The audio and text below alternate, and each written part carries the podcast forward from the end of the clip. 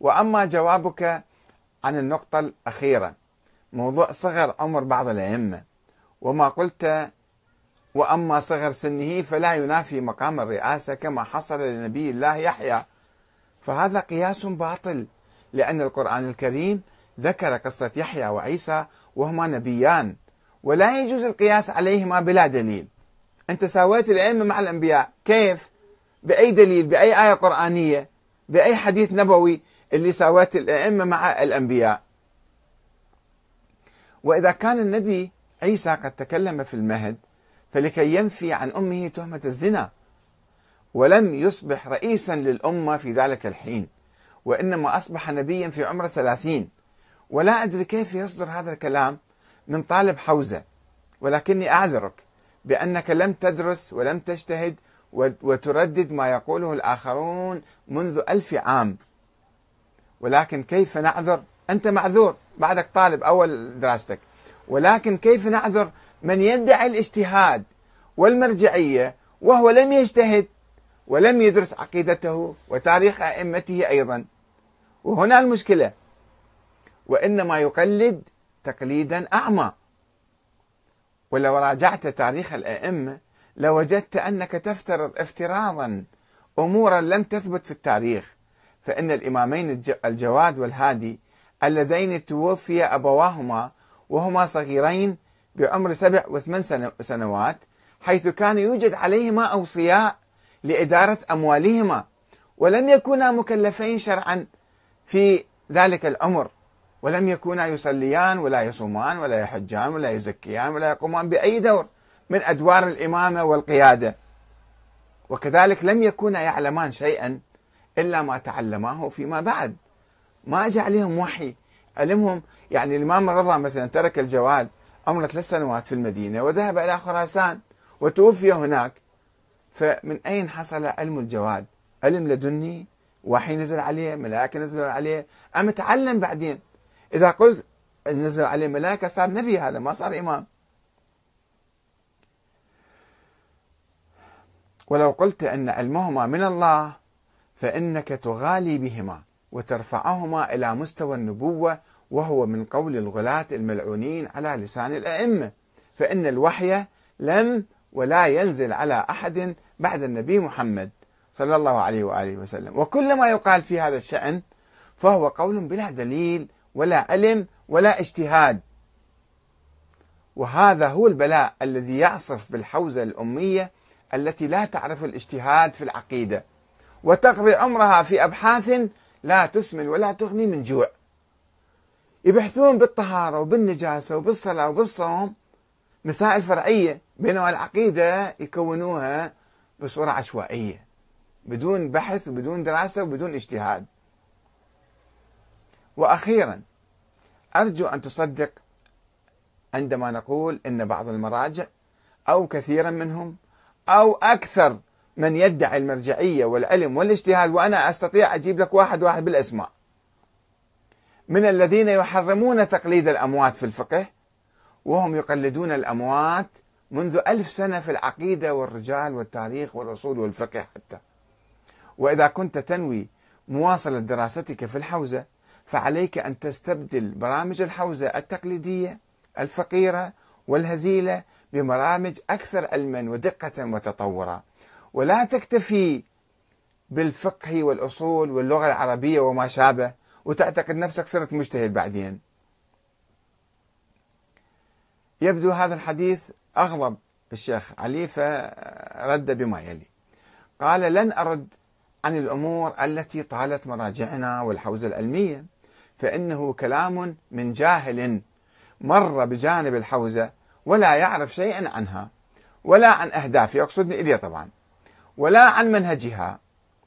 على كل إن حديث الغدير ينص على أن منصب الإمامة من الله إذ أنه قد نزل الوحي على النبي صلى الله عليه وسلم في عودته من حجة الوداع أن بلغ ما أنزل إليك من ربك. وعلى كل فالنبي لا ينطق عن الهوى إن هو إلا وحي يوحى. فقال النبي بعد خطبة ألقاها ألست أولى بكم من أنفسكم؟ فقالوا بلى. ثم قال من كنت مولاه الخبر. فهذا يدل على أن الولاية لأمير المؤمنين على الناس كولاية النبي آه، آه، ولاية من الله آه، وعلي. ولاية من الله وهذا معنى الإمامة. وإذا كانت كذلك فلا فرق بينهما. من حيث الوحي الذي يحصل بطرائق شتى. مصر بعد على كلامه أن الوحي ينزل على الإمام علي وبقية الأئمة. الذي يحصل بطرائق شتى والمعاجز والعلم اللدني الذي يفيضه الله عليهم إتماما لدورهم في تبليغ الرسالة، لاحظوا هذه النقطة جدا مهمة أن الأئمة علمهم من الله بالوحي يجي عليهم وإفاضة من الله مو بالتعلم ولا برواية الأحاديث. هاي نقطة مهمة يجب أن تبحث في الحوزات ولكنها لا تبحث ولا تدرس ولا تناقش. وأما حديث الثقلين فإن وصية رسول الله بهم وجعلهم أدل القرآن يقتضي أسمتهم بل إن نفس مقام الإمام إلهية يعني إلهي يقتضي أن يكون صاحبها معصوما كما هو الحال بالنسبة للأنبياء. وأما عن العدد فإنه متواتر عن النبي والإمام زين العابدين منصوص عليهم. فراجع الكافي والسلام والسلام على من اتبع الهدى. يعني خرجنا بعد شوية خرجنا من الدين.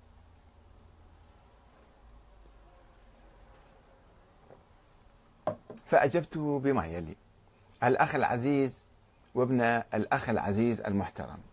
لا أدري عن أي حوزة وأي مراجع تتحدث. فهناك أصناف وأنواع وأقسام ودرجات مختلفة في الحوزة. وهي اسم عام يضم علماء حقيقيين وشخصيات جاهلة وأمية وليس لها من الحوزة إلا الاسم والزي والعنوان. وأما في حقيقتها فهي إما جاهلة أو مقلدة أو أمية أو مغالية وضالة ومنحرفة. أقسام. وأرجو أن يوفقك الله لكي تكون من العلماء المحققين والمجتهدين والدارسين والباحثين بعمق ولا سيما في موضوع العقيدة ومبادئ الإسلام والتشيع قبل الفقه والأصول. وذلك لأن الخلط بين المفاهيم الأساسية للدين مع أساطير الغلاة والفرق المنحرفة التي ظهرت في التاريخ خلط. يؤدي بطالب العلم الشرعي إلى الكفر والضلال والعياذ بالله واستحقاق اللعن من الله والتسبب في إضلال الناس بدلا من هدايتهم وإرشادهم.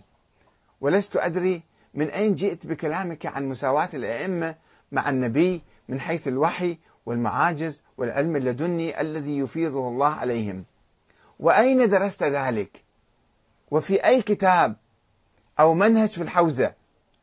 وإذا كنت قد قرأت بعض الأحاديث في الكافي فلا بد أن تعرف أن كتاب الكافي آه، وغيره من الكتب القديمة يحتوي وتحتوي على تراث الغلاة من مختلف الفرق الباطلة والمنحرفة. كالفرقة التي كانت تقول بأن الأئمة أنبياء أو آلهة أو أنصاف آلهة وأن علماء الشيعة قديما وحديثا حققوا تلك الكتب ورفضوا أكثر ما يوجد فيها ولم ولا يجوزون التصديق بجميع تلك الأحاديث والاعتقاد بها. ولذلك أدعوك للاجتهاد والتحقيق ودراسة تاريخ أئمة أهل البيت وأفكارهم الصحيحة. وعرض الأحاديث التي تنسب إليهم على القرآن الكريم كما أمروا شيعتهم. والضرب بالأحاديث المناقضة للقرآن عرض الجدار ومنها الزعم بأنه يوحى إليهم أو أن لديهم علما لدنيا أو أنهم أنبياء أو شبه أنبياء. وما النبوة إلا الوحي من الله؟ فإذا كنت تعتقد بأن الأئمة كالنبي يوحى لهم ولديهم علم لدني غير اكتسابي فإنك تكاد تكون من القائلين بنبوة الأئمة وهذا انحراف خطير جدا جدا ليس عن منهج أهل البيت وإنما عن الإسلام ولا بد أن تعيد النظر في مناهج دراستك في الحوزة وتهتدي إلى الصراط المستقيم. في الحقيقة هذا نموذج طالب يدخل في الحوزة وما في برامج، ما في دراسات، ما في كتب واضحة لدراسة العقيدة الشيعية. فلذلك تختلط الأمور عليه بين عقائد الغلاة المفوضة والخطابية والفرق السبائية وغيرهم تختلط عليه مع أحاديث الأئمة الصحيحة. ولا يستطيع التمييز بين الحديث الصحيح وعدم الصحيح.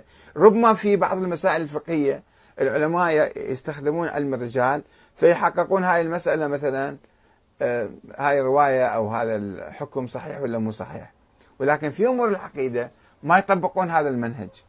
ولذلك بعض العلماء المتأخرين الآن عندما طرحنا هذه الأمور أنه إعادة النظر في ما يسمى بالعقيدة الشيعية آه، قام السيد كمال حيدري مثلا بدراسة أحاديث ولادة ووجود الإمام الثاني عشر فاكتشف أنها أكثرها أو كلها أحاديث ضعيفة وواهية وغير صحيحة. وكذلك في أمور علم الأئمة مثلا. السيد الحيدري أيضا كان له كتاب سابقا حول علم الأئمة ثم تراجع عن ذلك. فمع الأسف الشديد في الحوزة لأنه لا يوجد برنامج وكتاب أو كتب لدراسة العقيدة يقع الطلاب في هذه المطبات المؤسفة وعندما يكبر ويصير عالم ولحيته تكبر ويصير بيضة وامامته تكبر ما شاء الله هو ما مجتهد في العقيدة وما يعرف يجاوب. عنده بعض الأفكار البسيطة في ذلك. لذلك نحن نقول لابد من يعني آه، أنه كيف العلماء الآن يحرمون التقليد وهم يقلدون علماء قبل ألف سنة؟ الشيخ المفيد والطوسي والصدوق والمرتضى وغيرهم.